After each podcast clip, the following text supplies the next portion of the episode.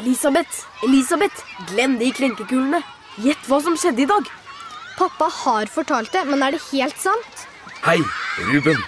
Du er litt av en kar. Den vesle gaven din reddet jo hele dagen. Det var egentlig ikke så spesielt jeg gjorde. Men det ble i alle fall veldig spesielt. Men fortell akkurat hva som skjedde, da. Jo, det startet med at Jesus kom hit med båt i morges.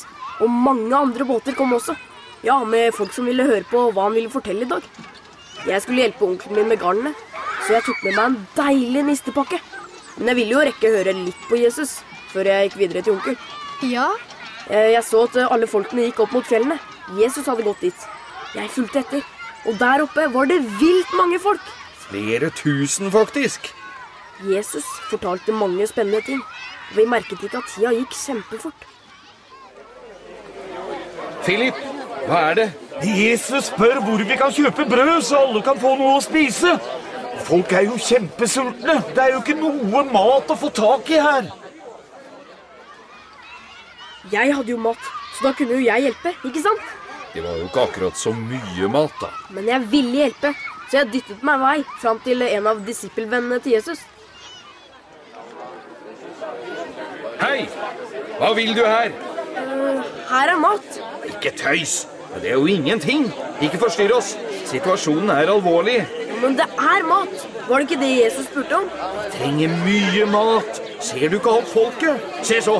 Løp hjem til mammaen din. Jeg vil gi maten min til Jesus. Jesus! Det er et lite barn her som har eh, fem byggbrød og to fisker.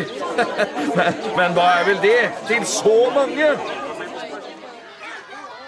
Typisk voksne å ikke høre på oss. Ble Jesus sint også? Nei, ikke i det hele tatt. Han kom bort til meg. Han så på meg og så glad ut.